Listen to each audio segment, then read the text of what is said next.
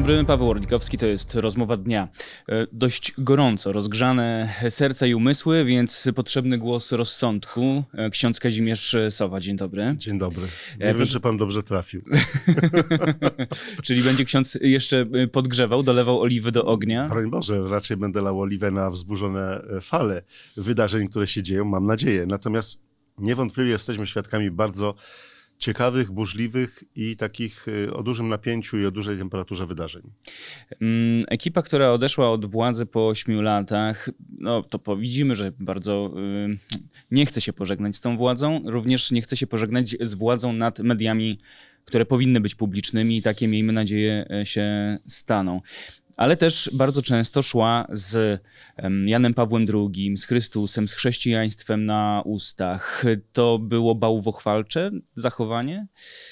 Mam wrażenie, że było przede wszystkim instrumentalne traktowanie zarówno osoby papieża, to zresztą mieliśmy na wiosnę tego przykład, kiedy na fali mm, kilku materiałów medialnych e, PiS próbował uczynić z papieża swojego zakładnika, albo wręcz rodzaj takiego transparentu politycznego, na którym chcieli dojechać też do czasów wyborczych. No tu się okazało, że mądrość społeczna była po stronie drugiej, to znaczy ludzie po prostu e, słusznie zauważyli i, e, i wybili ten pomysł PiSowi z głowy, żeby uczynić z papieża rodzaj takiego właśnie politycznego totemu czy transparentu. Natomiast oczywiście oni się odwoływali bardzo często do takiej bogoojczyźnianej retoryki, tylko e, kiedy się nawet myślę, że na takim prostym, w prostych skojarzeniach e, popatrzyło na praktykę rządów tej władzy, to ona z chrześcijaństwem i e, z szeroko rozumianą katolicką myślą społeczną nie miała zbyt wiele wspólnego, a to, co widzimy dzisiaj,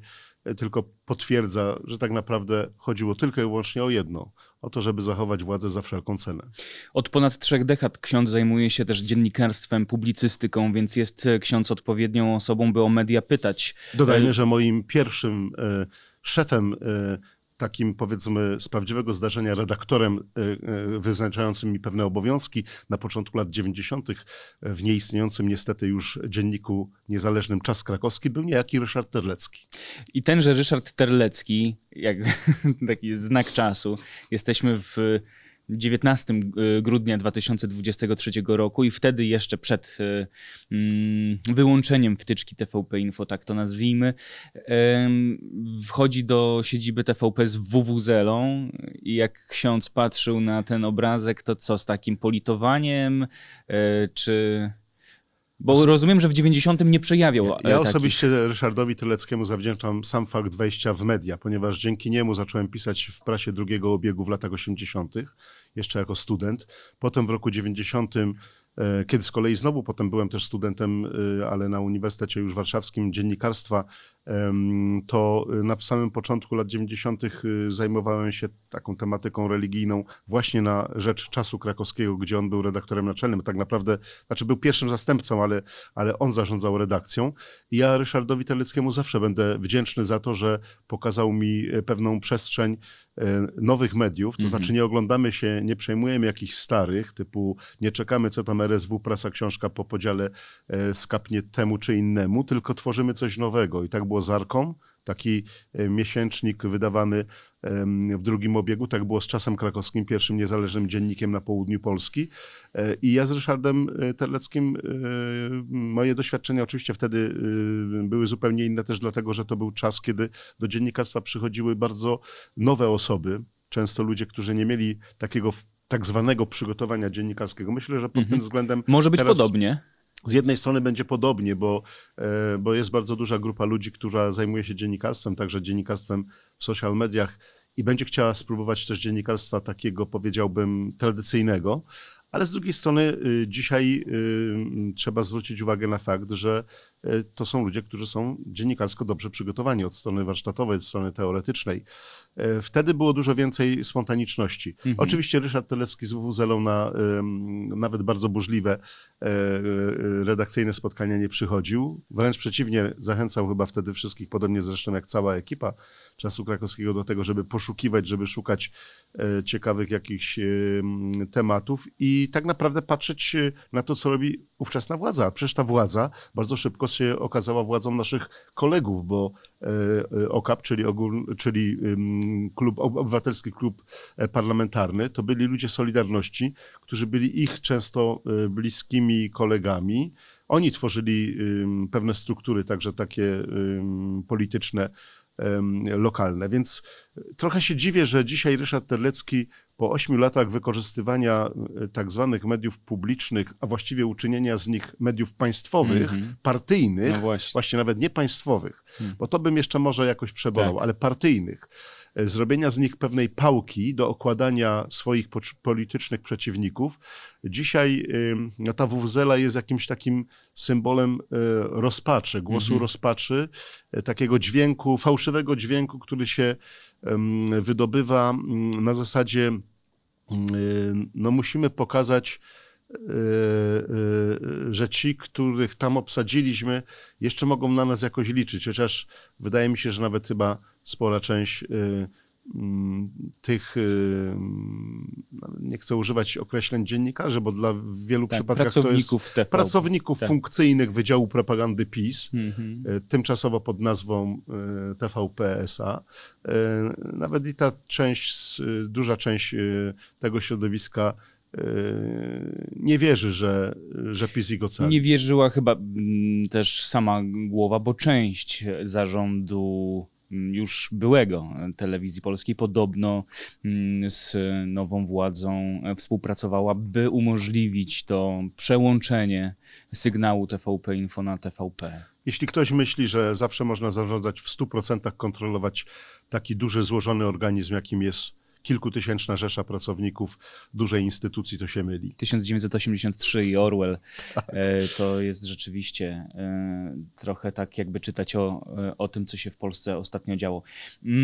Zanim przejdziemy do kolejnych tematów, bo jesteśmy w takim okresie przedświątecznym, y, Donald Tusk w kampanii dużo mówił o tym, że to będzie Wigilia Pojednania, a ja mam pewne wątpliwości, bo jednak jesteśmy mocno spolaryzowani, być może nie Wigilia 2023, ale to taki przydługi mhm. wstęp, bo jeszcze chciałbym zacytować Robert Mazurek na swoim Twitterze napisał to z wczoraj wpis z 20 grudnia jeszcze. E, Nigdy nie powiedziałem dobrego słowa o TVP za Prawa i Sprawiedliwości, to było dno mu, a wodorosty zdechły ze wstydu, ale ale nowa władza właściwie unieważniła Sejm. Jeśli każdy wykwit jego pracy, ustawę czy konstytucję można unieważnić uchwałą, to po co parlament, skoro wystarczy jeden pułkownik? Wzruszony jestem troską Roberta Mazurka o demokrację w Polsce.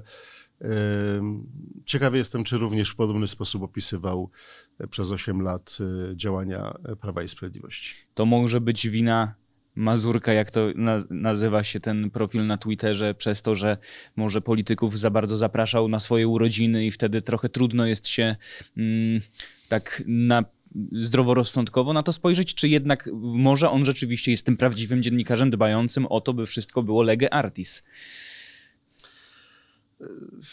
Robert Mazurek jest też w jakiejś mierze moim kolegą, to znaczy znamy się i może w tym momencie po prostu pozwolę się e, zdystansować i, z, i poprosić jednego e, nieudzielanie odpowiedzi na, na to pytanie, bo po, wydaje mi się, że nie jest tylko i wyłącznie e, dziennikarzem radiowym czy prasowym, jest także aktywnym uczestnikiem życia publicznego i politycznego. No jasne. On tutaj też dodał we wpisie, że nie da się wciągnąć w obronę mediów z, państwem, z państwem czabańskim, czyli Chocką. Chwała Bogu. E, więc to też trzeba oddać, że, że zaznacza jasno, że im były potrzebne media Tylko posłuszne, a nie wolne. Jeszcze dodajmy jedną rzecz. Y, to się może nie podobać i ja wcale y, tutaj nie chcę y, też nikogo bronić może się nie podać to, co się zdarzyło na e, Woronicza, na Placu Powstańców, tylko trzeba e, zauważyć, że ta choroba zaczęła się mhm. od zmiany, e, jaka chyba miała miejsce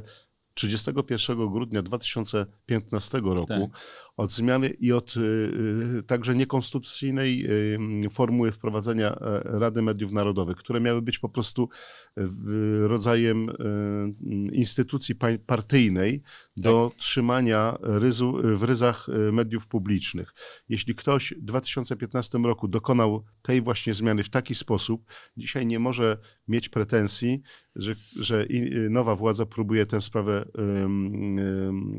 w jakiś sposób odkręcać.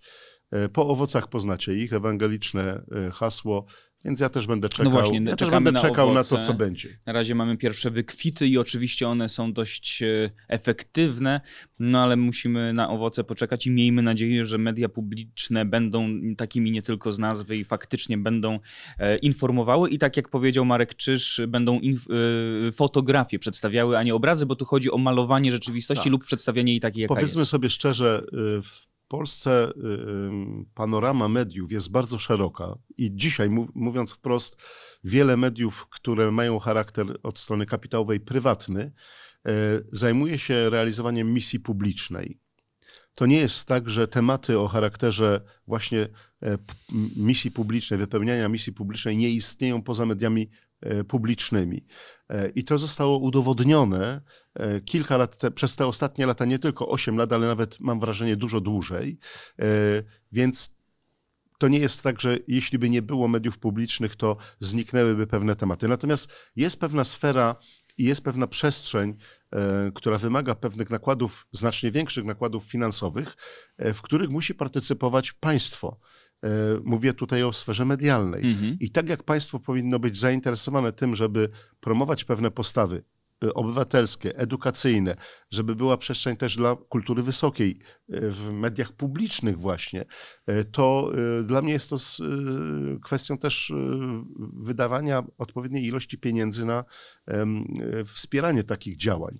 I albo y, stworzymy y, rodzaj, y, zresztą była taka kiedyś propozycja mm, powstania funduszu misji publicznej, gdzie każde, e, wszystkie media mogłyby łącznie z mediami prywatnymi, lokalnymi zgłaszać się e, o odpowiednie granty, albo będziemy mieli w jakiś sposób zagwarantowane funkcjonowanie mm, i promowanie takich materiałów dotyczących czy, czy, czy, czy, ogarniających e, właśnie te sprawy e, w mediach publicznych. Natomiast nie widzę powodów, dla których każdy podatnik w Polsce miałby dorzucać się do kolejnego występu Zenka Martyniuka, przysłowiowego tak. oczywiście, czy do wykładania ogromnych ilości pieniędzy dla państwa, którzy są y, pracownikami Wydziału y, Propagandy mm jednej partii. Niektórzy nawet tak z partyjnymi legitymacjami. Niektórzy z partyjnymi byli... legitymacjami, ludzie, którzy byli rzecznikami prasowymi tak.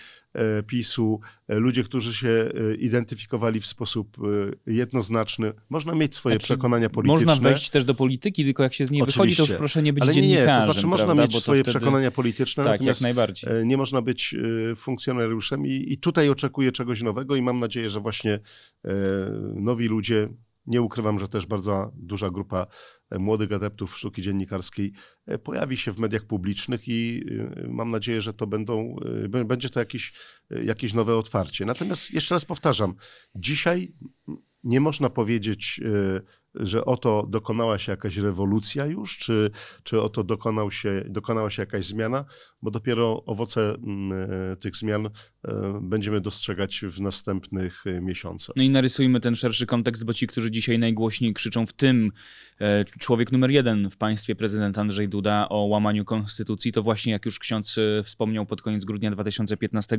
niekonstytucyjnie ominęli Krajową Radę Radiofonii i tak. Telewizji, powołując Radę Mediów też... Narodowych. A już w styczniu został tam wsadzony Jacek Kurski, a Janusz Daszczyński, który wtedy był prezesem e, TVP, nieco wcześniej powołanym, wygrał nawet w sądzie sprawę z telewizją Teraz polską ostatnio, tak, niedawno dokładnie. o to, że został bezsprawnie i niezgodnie z przepisami z tej funkcji odsunięty. Troska prezydenta Dudy jest yy, na temat wolności mediów i wolności słowa. Może być tutaj yy, no wręcz takim najlepszym przykładem tego, że jest to płacz nad rozlanym mlekiem. Szkoda, że prezydent e, nie zauważał, e, jak bardzo był faworyzowany w kampaniach wyborczych. No, profesor, który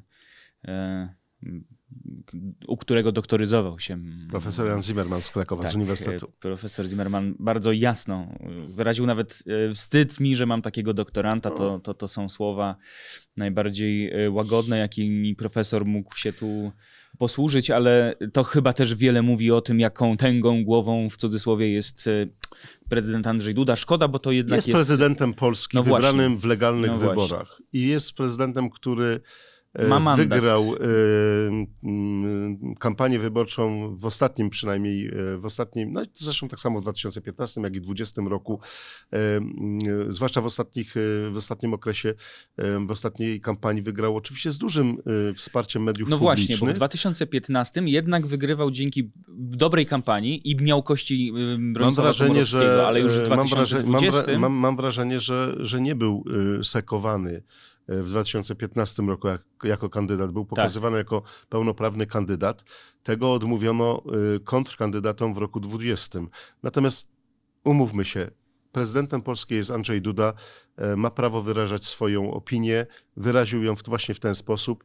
E, sam jestem ciekawy, e, jak prezydent te ostatnie kilkanaście miesięcy swojego urzędowania, jak będzie też patrzył na na to, co się będzie działo w polityce polskiej. A rozliczyć i osądzić zgodnie z prawem to jest po chrześcijańsku również, czy, e, bo niektórzy mówią, ach, będą się teraz mścić, Nie. a przecież mówimy zemsta o... Zemsta jest czymś najgorszym, dlatego że zemsta zawsze wywołuje efekty wtórne, to znaczy taki efekt, gdzie no, od, po prostu pewnego takiego rodzaju odbicia, to znaczy jeśli ktoś jest dotknięty taką właśnie zemstą, jakimś rodzajem też zbiorowej odpowiedzialności, E, to nie tylko, że, że, że czuje się upokorzony, ale ma całkowicie naturalny taki wewnętrzną potrzebę y, no, pokazania, że, że, że tego nie przyjmuje i jakiejś reakcji. E, zemsty bym odradzał każdemu i we wszystkim. Mhm. Natomiast jest y, z pewnością y, zasada y, pewnej sprawiedliwości. Myślę, że jeśli ktoś tutaj mówi o rozliczeniach, to są bardzo konkretne przykłady kłamstwa, bardzo konkretne przykłady takiego politycznego pałkarstwa, które występowało w mediach publicznych w ciągu ostatnich lat. I nad tym się trzeba skupić, także po to, żeby pokazać tym, którzy będą te media nowe tworzyć, czego nie wolno i nigdy nie należy robić. A w takich sprawach jak Wąsik i Kamiński, prawomocnym wyrokiem sądu, sądu niezależnego, um, zostali skazani na dwa lata więzienia prawomocnie i, i pięć lat zakazu e, pełnienia funkcji publicznych. Um, najpewniej no, z tych funkcji publicznych e, zostaną odwołani, chociaż mają to prawo odwołania się do Sądu Najwyższego. Tam też wiemy, jak wygląda sytuacja zawłaszczenia no, i, i, i, i no, dysproporcji trójpodziału władzy, a właściwie całego zaburzenia mm, trójpodziału władzy, ale z kolei pytam też jeszcze w kontekście prezydenta Dudy, bo było ułaskawienie do nieprawomocnego wyroku, co może być też kwestią nadużycia władzy. Czyli rozumiem, że prezydent Andrzej Duda już po prezydenturze wcale tak spokojnie spać nie będzie musiał. Tego nie wiem, bo nie jestem tutaj ekspertem w tych sprawach, natomiast oczywiście czytam e, komentarze, także i komentarze po wczorajszym spotkaniu prezydenta z, e, obą, z obu panami. I wydaje mi się, że są w pewnym kłopocie bo jeśli marszałek Sejmu, opierając się oczywiście na dokumentach, wygasi mandat, to panowie będą musieli odejść z pełnionych funkcji, tutaj parlamentarzysty. E, I oczywiście również w jakiejś perspektywie może być kwestia ich zrealizowania tego prawomocnego wyroku, jakim tak. jest skazanie na dwa lata. Natomiast e, zwykle jest tak, że ludzie, którzy wewnętrznie czują się, że sąd wydał wyrok nie po ich myśli, no, czują się tymi sprawiedliwymi. No, ja to rozumiem od strony takiej subiektywnej. Z drugiej strony jakoś nie mam nie znalazłem żadnych argumentów, żeby obdarzyć pana Kamińskiego i pana Wąsika y, odrobiną mojej sympatii obywatelskiej czy innej. Y, to teraz przejdźmy do spraw, o których będzie się na pewno nad barszczem wigilijnym rozmawiało. I zanim wejdziemy na te trudniejsze rejony, to jeszcze o Szymona Hołownię, który też publicysta, też całkiem katolicki, więc pewnie się znacie. To był moim kolegą redakcyjnym w Religia, Religia TV. TV. No właśnie. I e, jak ksiądz odbiera jego funkcję. Słyszałem gdzieś wypowiedź Marcina Prokopa, że on właściwie te 10 czy 12 lat w Mam Talent to traktował jako taki poligon, e, by wiedzieć, jak publiczność zareaguje, co w danym momencie będzie działało, co teraz bardzo skutecznie jest w stanie wykorzystać w pełnionej funkcji, ale tam chodzi o coś więcej niż o show, o merytorykę, o praworządność, o przejrzystość. Czy to, to, to wszystko może zagwarantować e, Szymon Hołowy? E, obecna opozycyjna strona sejmowa, czyli głównie politycy obozu mm, Prawa i Sprawiedliwości satelickich partii próbują pokazać Szymona Hołownię jako showmana tak. obsadzonego w roli y, marszałka. E, ja natomiast widzę w nim człowieka, który mm, rzeczywiście przeszedł z tej mm, przestrzeni, w której był aktywny, dziennikarskiej, publicystycznej, pisarskiej nawet, e, do przestrzeni politycznej. Zrobił to nie wczoraj, tylko zrobił to już dwa lata, trzy lata temu, a nawet wcześniej, bo mm, Szymon zadeklarował chęć wzięcia udziału w wyborach, wyborach przepraszam, prezydenckich jakoś latem 2019 roku i potem sukcesywnie przygotowywał się do tego, budował też pewne środowisko. Mogę tylko powiedzieć tyle, że y, obserwując y, sposób prowadzenia obrad Sejmu, także zupełnie nowy język, którego Szymon Hołownia używa, jako y, obywatel i odbiorca tych treści, nie jako jego kolega tylko i wyłącznie, jestem niezwykle zadowolony, że ktoś taki jest marszałkiem Sejmu. Dlaczego? Powodów jest kilka. Pierwszy jest taki, że właśnie używa on języka, który jest językiem bardzo y, komunikatywnym dla y, odbiorcy, zwłaszcza takiego odbiorcy przeciętnego, który mhm. do tej pory e, miał tylko i wyłącznie kojarzył Sejm ze smutną twarzą pana Terleckiego mhm. albo z bardzo takimi, powiedziałbym, restrykcyjnymi zachowaniami, które były czymś normalnym. Używam oczywiście tego określenia mm, w cudzysłowie. Natomiast y, druga sprawa jest też taka, że Szymon Hołownia bardzo szybko nauczył się posługiwania regulaminem Sejmu w taki sposób, który nie zostawia żadnej wątpliwości, że to y, jego mm, e, słowa czy jego mm, sposób zarządzania jednak jakby nie było pewnym bardzo dużym organizmem bardzo zróżnicowanym, bardzo też emocjonalnie takim powiedziałbym tętniącym, jest e, konkretny i, i jeśli przychodzą, zgłaszają różnego rodzaju e, swoje sugestie czy, czy, czy postulaty posłowie z jednej, z drugiej strony sali politycznej, sali sejmowej, e, Szymon potrafi na to zareagować. Kolejna sprawa jest też taka, że jest on kimś zupełnie nowym i myślę, że dzięki temu też... Nie opatrzył tak, się jeszcze. Nie opatrzył się i z pewnością ludzie też są bardzo ciekawi, czy sobie, mówiąc tak wprost, poradzi. Mhm. Pierwsze miesiące pokazują, że poradził sobie znakomicie i y, ja nie używam tutaj tej, na, na dowód tego, y, tych liczb obserwatorów, obserwatorów transmisji sejmowej na YouTube czy w, czy w mediach, ale jednak wiem, że zaczął docierać do zupełnie nowych środowisk. Kiedyś po jednym e, z programów, w którym też właśnie zastanawialiśmy się, telewizyjnych, e, nad fenomenem e, Szymona Hołowni, jeden z moich znajomych przysłał mi SMS-a z informacją, że jego kilkunastoletnia córka, o czym on nie wiedział, pokazała mu jakieś fragmenty filmików z transmisji sejmowych, mhm. które oni sobie w klasie, a to jest y, nastolatka, końcówka szkoły podstawowej, wymieniają między sobą koleżanki i koledzy.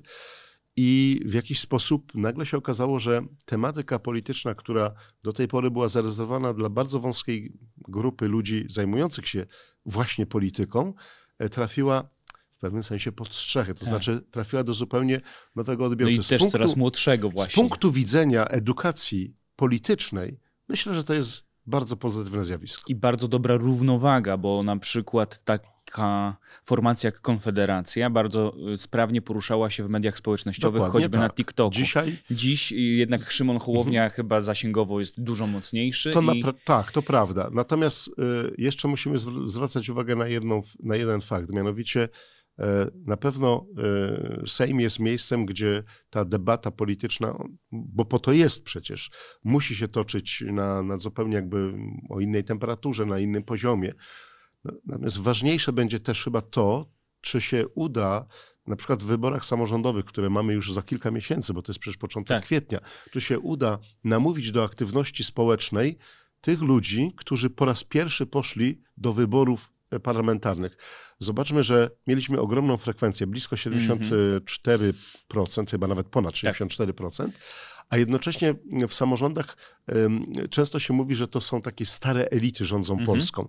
Więc jestem ciekawy, czy dzisiaj środowisko na przykład mm, Polski 2050, e, które do Sejmu zaprosiło mm, nowych ludzi, często ludzi stosunkowo młodych, przynajmniej w, w, w relacji do ich kolegów, koleżanek e, z tak zwanych starych partii, choć tam też dość sporo młodych ludzi debiutantów się pojawiło, ale jednak to środowisko, czy będzie miało taką siłę mm, przyciągania, że zachęci do y, y, aktywności politycznej, społecznej y, nowe środowiska. Jeśli tak by się stało, to byłoby to z dużą korzyścią dla y, polskiej polityki, także tej lokalnej. Choć nie tylko w młodości siła, ja nie deprecjonowałbym doświadczenia. Nie, absolutnie. Natomiast często niestety w polskiej przestrzeni publicznej bardziej mamy do czynienia z, przepraszam, starymi zgredami niż doświadczonymi e, ekspertami, którzy są w stanie dzielić się swoją ekspercką i stoicką. Dlaczego to e, dzisiaj jest ważne? Mówię o tym, o tej takiej powiedzmy fali nowych, y, młodszego pokolenia w polityce, ponieważ zmieniona też zmieniona, zmienione prawo y, będzie powodowało, że za pięć lat y, wielu prezydentów, burmistrzów i ludzi sprawujących władzę samorządową skończy tą swoją drugą kadencję, po której już nie będzie mogło startować ponownie Mhm. bo ta zmiana, która nastąpiła w roku 2000, po roku 2015 dotyczyła też e, kadencyjności w władzach samorządowych. A to będzie oznaczało, że będą potrzebne nowe środowiska, nowe siły polityczne, które pojawią się e, właśnie tam, gdzie często pre- prezydenci, czy burmistrzowie, czy wójtowie e, różnych miast, gmin e, są e, od niebotycznych czasów, bo, Mhm. bo tak naprawdę wielu z nich nie będzie 10 lat, No tylko będzie po kilkanaście, Dokładnie. a rekordziści nawet ponad 20. Tak. Więc to będzie bardzo ciekawe, że dzisiaj partie powinny myśleć o wyborach samorządowych nie w kategorii i nie w perspektywie najbliższych wyborów, tylko także tego, czy będziemy mieli i kogo będziemy mieli y, w, za pięć lat y, w swoich szeregach, żeby można było ich promować y, na funkcje w samorządach. A na chwilę do księdza zawodowego Grudka. Czy Kościół nie, przegapił takiej refleksji e, wychodzenia w odpowiednim momencie do młodych? E, Nie mówię o zmianach, Mhm. zmianie dogmatów, bo tutaj trochę jak z prawem, coś jest bardzo klasyczne, ale z rozumieniem młodych i, i tak jak teraz polityka, która wchodzi pod strzechy między innymi dzięki nowym mediom, tak jakby Kościół gdzieś zostaje w tyle i się laicyzujemy ze względu też na to, że Jako społeczeństwo się laicyzujemy. To jest oczywiście y, zjawisko, któremu trudno odmówić y, racji bytu, bo ono jest widoczne. I kiedy patrzymy y, na to, kto przychodzi do kościoła, czyli ale kto też przychodzi na kryzys mszę, nie tylko wiary, ale i, i kryzys powołań, prawda? powołań, dotyka kryzysu powołań, bo jeśli ktoś no, nie ma relacji z Kościołem, nie chodzi na, w szkołach, na w szkole nie, nie uczestniczy na religię, nie uczestniczy w grupach formacyjnych, to trudno e, spodziewać się, że nagle ten Uformuje człowiek w e, pójdzie potem tak. do seminarium albo do zakonu. No, mm, nie wierzmy w takie rzeczy, bo, bo tak nie jest zwyczajnie. Więc e, musi być pewna grupa, e, która będzie aktywna. Oczywiście są środowiska, bo całe środowisko nowej ewangelizacji oparte jest o młodych ludzi.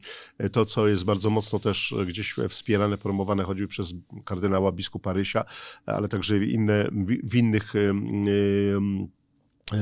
miejscach w Polsce takie grupy istnieją. Natomiast niewątpliwie dane statystyczne, które zarówno publikuje Instytut Statystyki Kościoła Katolickiego, teraz mieliśmy ostatnio opublikowane dane z roku 2022, pokazują, że jakiś rodzaj kryzysu y, takiej tradycyjnej religijności jest w Polsce. E, Dane dotyczące mm, uczęszczania mm, młodzieży, zwłaszcza młodzieży, bo dzieci to jest trochę inna historia, ale młodzieży na lekcje religii w szkołach średnich, zwłaszcza w miastach, są zatrważające. No i wreszcie mm, dane opublikowane w ubiegłym roku, przepraszam, w tym roku, ale taki zbiorowy, e, zbiorowy, nie, to były nawet za Aha. trzy dekady. Okej. Okay. CEBOS opublikował taki raport dotyczący em, em, relacji znaczy społeczeństwa i kościoła, e, w tym także e, różnych grup Mhm. społecznych. I tam okazało się, że najbardziej laicyzującą się grupą, także w sensie pewnych deklaracji, e, czyli deklaracji, że jest się niewierzącym, są tak zwani młodzi dorośli, czyli 18-29. Mhm. Ten odsetek z kilku procent 30 lat temu wzrósł do prawie 31% obecnie. Mhm. Czyli jedna trzecia młodego pokolenia deklaruje, że nie ma związku z Kościołem. I to jest oczywiście y, fakt, który, nad, nad, którym nie można przejść do porządku dziennego, jeśli się y, myśli także o tym, że Kościół y, do tych ludzi powinien docierać, powinien starać się docierać, więc musi używać też języka, który będzie dla tych ludzi językiem mm, przynajmniej zrozumiałym, to jest podstawowa sprawa, a po drugie, który będzie językiem na który młodzi ludzie też będą mogli, mówiąc tak wprost, też odpowiedzieć, bo my oczywiście możemy wszystko zawrzeć w pewnych formułkach dogmatycznych, doktrynalnych y, i to będzie mm, słuszne i oczywiście trudno tutaj dziwić się, że, że, że, że się też takich formuł używa, ale często pewne rzeczy są dla młodego mm, pokolenia niezrozumiałe i trzeba do nich używać zupełnie nowego języka. No Więc to jest jakieś dzisiaj, poważne. Dzisiaj wychowuje się o, w ten sposób. Tak, prawda? oczywiście. E, to jest tak, że, że, że z, taki, z takiej pozycji. E, ale, ale tu wie pan co jest, e, powiedziałbym, że wiele inicjatyw, które funkcjonuje w przestrzeni social mediów tak, e, widzę, że, że jest bardzo nowych, ciekawych, ożywczych. Jest i... też duży problem oczywiście wizerunkowy, bo, bo stoją za tak. tym poważne problemy nierozwiązanych, choćby kwestii... Bądź takich, mm. które nie są w świadomości społecznej, czyli na przykład jeśli, bo pewnie pan tutaj powie o... Tak, I, i okej, okay, zgoda. Związek państwa z Kościołem przez ostatnie lat lata również zgoda. Natomiast chciałbym zwrócić uwagę, że wiele spraw naprawdę e, udało się pewne sprawy rozwiązać, ale wydaje mi się, że za mało też jest um, czegoś, co bym określił jako próba wyjaśnienia, wytłumaczenia siebie, instytucji, e, dlaczego tak, a nie inaczej było. Bo jeśli w seminariach jest zero albo jedno powołanie na rok, no to... No to takich przypadków mamy mało, ale rzeczywiście powiedzmy, że jest po kilka, no tak. i to jest prawda. No właśnie, bo nie, nie, nie kilkanaście, nie dwadzieścia, to teraz jeszcze nie problem, ale za, dwa, za dwie, trzy dekady to już y, z pewnością... Jeśli y, patrzymy na y, Pytanie to, też, jak, czy jak trzeba odblokować na przykład wrota do, e, tak jak w prawosławiu są powiedzmy księża diakoni, którzy mogą mieć e, żony, dzieci, normalne Nie, w rodziny. W prawosławiu są duchowni, e, którzy są prezbiterami, czyli tak, tak. są wyświęceni. Znaczy mają... oni tam się, tam się chyba nazywają diakonami, chociaż inaczej nie, niż, też, niż Ale ta sprawa, jest, ta sprawa się toczy i jest wielka dyskusja w ogóle w Kościele Powszechnym.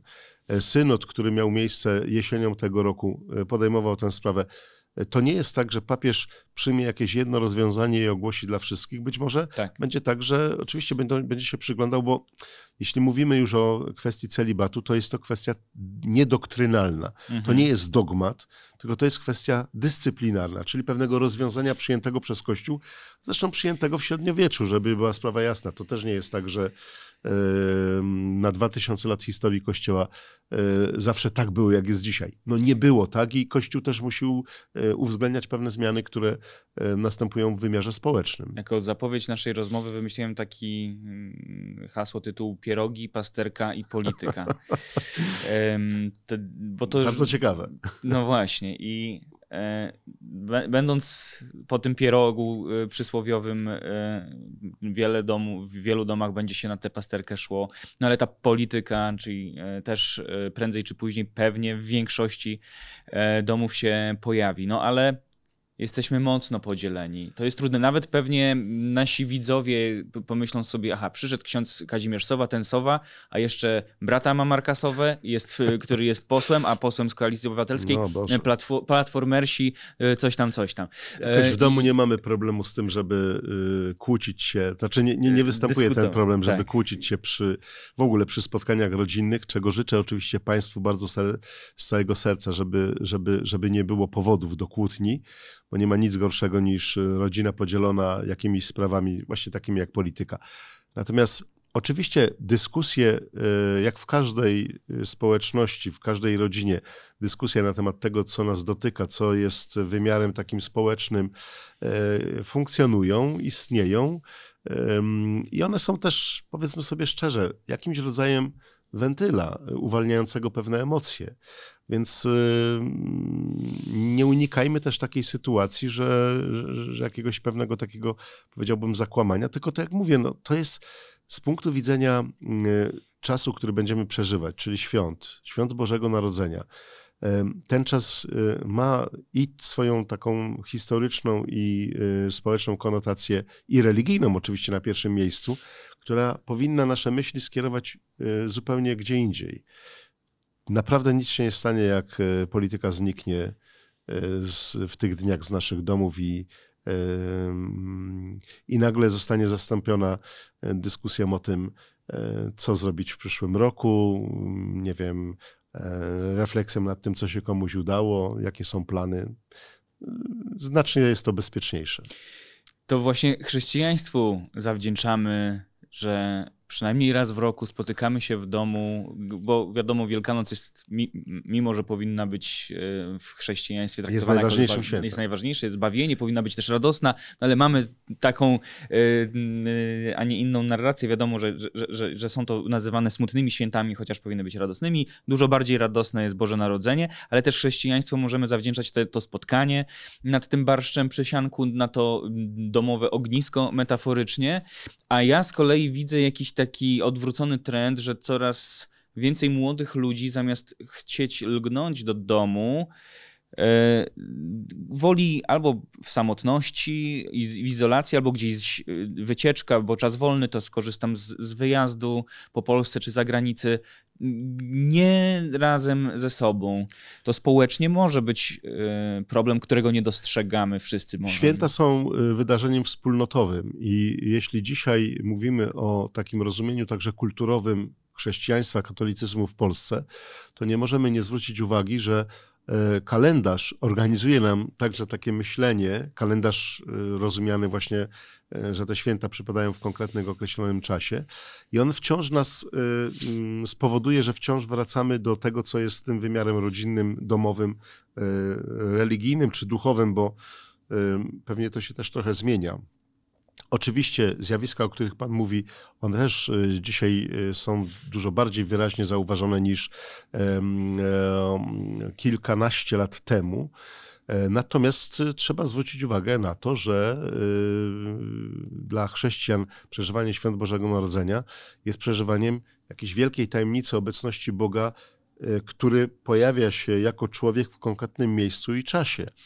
I my traktujemy to nie tylko jako jakiś rodzaj wspomnienia historycznego, ale także w tym wymiarze religijnym, jako przyjście Boga do tej wspólnoty, którą tworzymy w naszej rodzinie, w naszej przestrzeni, nawet ja się tego nie boję powiedzieć, także społecznej, czyli e, państwowej. E, nie wyobrażam sobie sytuacji, gdzie bym się miał e, zamykać w tym, tylko i wyłącznie w, tym, w tej domowej przestrzeni i nie dzielić się tą radością, którą jest świętowanie narodzin Jezusa, Syna Bożego. Ale z drugiej strony też trzeba zwrócić uwagę na fakt, że jeśli dzisiaj ludzie rezygnują z pewnych form także religijnego uczczenia tych świąt, e, to y, znaczy, że y, pojawia się też jakiś rodzaj e, pewnego kryzysu i jak mówił ksiądz Jan Twardowski, nie przyszedłem Pana nawracać, ale siądę y, obok Pana, czy siądę e, i, i, po prostu pobędę. Być może jest tak, że ci ludzie, uciekając od pewnej konotacji takiej czysto religijnej, potrzebują jednak wciąż obecności innych wokół siebie, więc e, jeśli ktoś e, no, w inny sposób spędza święta Bożego Narodzenia, e, to, to może czasem też dlatego, że zabrakło kogoś bliskiego, kto przyciągnąłby go do siebie, więc e, wydaje mi się, że są też jakimś te święta Bożego Narodzenia czasem szansy na to, żeby odnowić pewne relacje rodzinne, międzyludzkie e, między nami i, i spróbować e, nawet tego, kto, ma, kto podchodzi do tego z dystansem, zaprosić do takiej wspólnoty. Mnie się wydaje, że jednak chyba też w naszej tradycji mm, polskiej święta Bożego Narodzenia są też takim czasem, kiedy E, kiedy się wszystkie jakieś spory, jakieś konflikty zażegnywało, e, godziło się, wyciągało się tą rękę z tym opłatkiem, mm. właśnie na znak i przebaczenia i znak prze, przełamania się, miłości. Tak. Więc, A z drugiej strony ten symboliczny pusty talerzyk dla zbłąkanego wędrowca z nadzieją, żeby tylko nikt nie przyszedł. I znowu mamy tutaj bardzo ciekawe doświadczenie od kilku lat. To znaczy myślę właśnie od momentu wojny na Ukrainie. Nagle się okazało, że ten symboliczny ustawiany gdzieś tam na rogu stołu pusty talerz się zmaterializował. -hmm. Bo przecież w tak. wielu naszych rodzinach w Polsce e, w pewnym momencie ci ludzie się pojawili, tak. prawda? Czy pojawili się w, w, naszych domach, pojawili się w naszej społeczności. E, I dla mnie jest to też znak taki, że trzeba być zawsze gotowym na to, że jednak ten e, pusty talerz będzie miał swojego uczestnika tego spotkania. I dobrze, że tak zostaliśmy w cudzysłowie, powiem, zweryfikowani w tym naszym myśleniu że czasem Ale... symbol staje się rzeczywistością. czasy są niepewne w wielu wymiarach, więc takie sprawy, o których mówi ksiądz, mogą się materializować. No to to byłaby chyba świetna puenta, bo jeszcze na koniec chciałem pytać o Kraków, tygiel kulturowy, ale też towarzyski, no i artyści, intelektualiści, i środowiska liberalne, i środowiska prawicowe. No i czy w święta można też porozumieć się mimo różnic, na przykład księdza z koleżanką z ław e, szkolnych, e, byłą premier europarlamentarzystką Beatą Szydło. E, I, Gdybym panią premier spotkał gdzieś w okresie świątecznym w... To nie przez zaciśnięte zęby, tylko z otwartą Nie, no, myślę, że złożylibyśmy sobie z uśmiechem jako uczniowie jednego liceum, akurat liceum e, w Oświęcimiu, złożylibyśmy sobie e, z uśmiechem e, życzenia świąteczne. Mogą nas różnić poglądy, mogą nas różnić wizje, mogą nas różnić sympatie, ale myślę, że też jest bardzo wiele wciąż rzeczy, które nas łączy i dlatego ja mam takie doświadczenie, spotykamy się w takim gronie kilkudziesięciu znajomych y, zwykle przed świętami Bożego Narodzenia, to jest Wigilia albo jakiś dzień poprzedzający Wigilię i przed Wielkanocą. To są bardzo różni ludzie i te spotkania są niezwykle e, serdeczne, bo to są spotkania ludzi, których e, drogi życiowe kiedyś się przecięły. E, I takie spotkanie też będzie miało miejsce w najbliższą sobotę przed Wigilią gdzie się spotkamy z, z, naszymi kolegami, znajomymi. E, I myślę, że każdy z nich dzisiaj jest bardzo jest aktywny w swojej, w swojej, w swojej powiedzmy przestrzeni, w swoim zawodzie, w tym, co robi. E, nikt nikogo nie pyta e, wtedy ani o politykę, ani o przepis na na to, co się zdarzy w najbliższym czasie. Tylko chyba, po prostu... że przepis na śledzie.